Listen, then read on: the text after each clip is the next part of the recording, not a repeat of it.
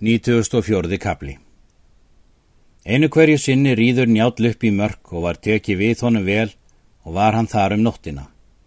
Um kveldi gekk sveitnin að honum og kallaði njáll á hann. Gekk hann þegar til hans. Njáll hafði fingurgull á hendi og síndi sveininum. Sveitnin tók við gullinu og hugði að og dró á fingur sér. Njáll mælti. Vilt þú þykja gullið að gjöf? Þykja vil ég víst, segir sveitnin.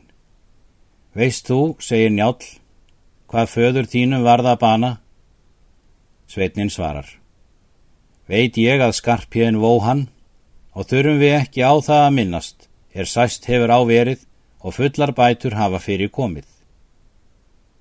Betur er svarað, segir njál, en ég spurði og mynd þú verða góður maður. Góðar þykja mér spásugur þínar, segir höskuldur, því að ég veit að þú ert forspár og ólíin. Njálmælti, nú vil ég bjóða þér fóstur ef þú vilt þykja. Höskuldur hvaðst þykja vilja bæði þann góða og annan þann sem hann gerði honum. Urðu þær mála lyktir að höskuldur fór heim en jáli til fósturs. Hann let sveininum ekki í megin og unni mikið. Sýnir njáls leittu hann eftir sér og gerði honum allt til sóma.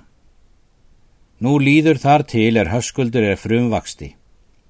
Hann var bæði mikill og sterkur, manna fríðastur sínum og hærður vel, manna best vígur, blíður í máli, örlátur, stiltur vel, orðgóður til allra manna og vinsæl. Njálssonu og höskuld skildu kvorki á, orð, nýverk.